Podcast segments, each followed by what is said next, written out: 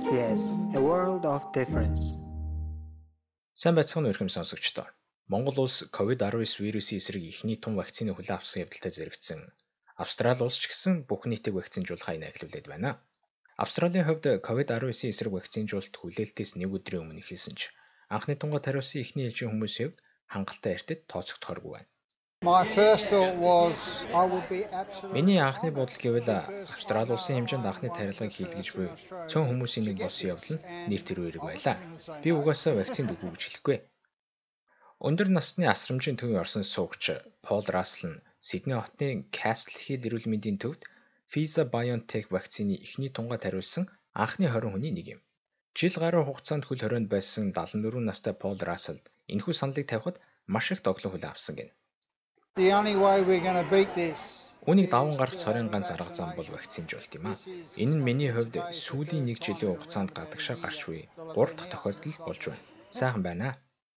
Шууд бэлтгэлгүй эхэлсэн энэхүү анхны тарилгыг хийх хүмүүсийн дунд хөгжлийн бэрхшээлтэй иргэдийн асрамжийн төвийн орсон суугч, туслах ажилчид, өндөр насны асрах газрын ажилтнууд, хөлийн шалганы ажилчид болон зочид буудлын карантинд ажиллаж буй батлан хамгаалахын салбарын ч багтсан байна. Сэтгцийн хөгжлийн бэрхшээлтэй иргэдийн төлөөлөл болох Брет Расмуссийн хувьд вакцин тариулж байхдаа эрх ургуу өргөн сэтгэлээ илэрхийлж байлаа. Түншлэн хөгжлийн бэрхшээлтэй иргэдэд туслах ажил эрхэлдэг Мила Томсын хувьд дархлаажуулалтад хамрагдаж байгаадаа сэтгэл өндөр байгаагаа илэрхийлж байсан юм. Энэ вакциныг хийлгэж байгаадаа би маш их баяртай байна.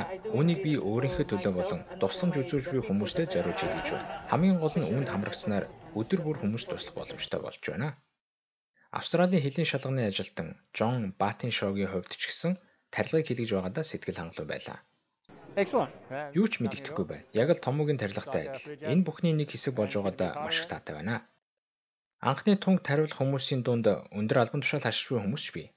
Тодруулбал ерөнхий сайд, эрүүл мэндийн ерөнхий мэрэгжилтэн, сувилгаа их барихын ерөнхий мэрэгжилтэн нар камерын өмнө тарилгаа хийлгэсэн нь вакцинд итгэх олон нийтийн итгэлийг нэмэгдүүлэх зорилготой юм.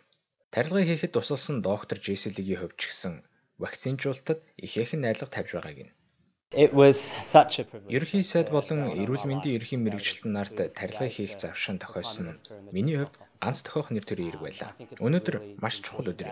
Цар тахлын хувьд эргэлтийн цэг болоо зогсохгүй. Энэ бүхнийг дуусгах цаг ихэж байна гэж харж байна.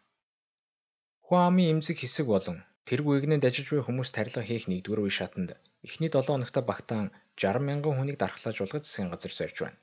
Үүнээс гадна 7 хоногийн төгсгөлд сөрөг хүчний тэргүүн Антони Албанис болон ногоон намын тэргүүн Адам Бент нарыг анхны тунгаа хэлхийг ураад байгаа юм. Харин эрүүл мэндийн сайд Грег Хант эрүүл мэндийн яамны нарийн бичгийн дарга Брэндон Морфи нарын хувьд эх сараас танилцуулах AstraZeneca-гийн вакциныг тариулахар болжээ. Австралийн вакцинжуулах хөтөлбөр эхэлж байгаад баяртай байгаагаа хөлмөрийн намын дид дарга Ричард Марли ин ярьж байна. Vaccination is how Дэлхийд даяараа COVID-19-ийг даван гарах арга нь вакцинжуулалт юм. Өнөөдөр манай улсад вакцинжуулалтын эхний шат инхүү эхлэхээс өмнө дэлхийд дахинд 100 сая гаруй иргэн аль хэдийн вакцинд хамрагдчихсан байсан гэдгийг хэлхийн зүйтэй байна. Вакцинжуулалтыг боломжит хамгийн аюулгүй байдлаар боломжит хамгийн хурдан хугацаанд хийхийг австралчууд хүсэж байна.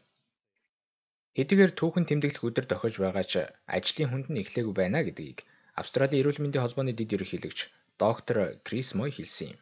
We're incredibly lucky to have Аюулгүй бөгөө үр дүнтэй вакцинтай болсноор бид маш их хацтай болсон. Учир нь энэ вакциныг олж авах нь гайхалтай мөч байсан гэдгийг хэлмээр байна. Одоо хүн бүрийг хамгаалахын тулд вакцина нийгэм түгээхэд хүс хүчээ гаргах л үлдээд байна. Улсын хэмжээнд хийсэн судалгаагаар олон нийтийн дунд вакцинд итгэх байдал буурсан нь вакцинжуулах ажлыг анх төлөвлөснөөс улам бэрх болгож мэдэх юм. Тодорхойлбол Австралийн статистикийн товчооноос гаргасан судалгаанд хамрагдсан нийт эрэгтэй хүмүүсийн 76%, эмэгтэйчүүдийн 71% нь вакцин заавал хийлгэнэ гэж хариулсан байна.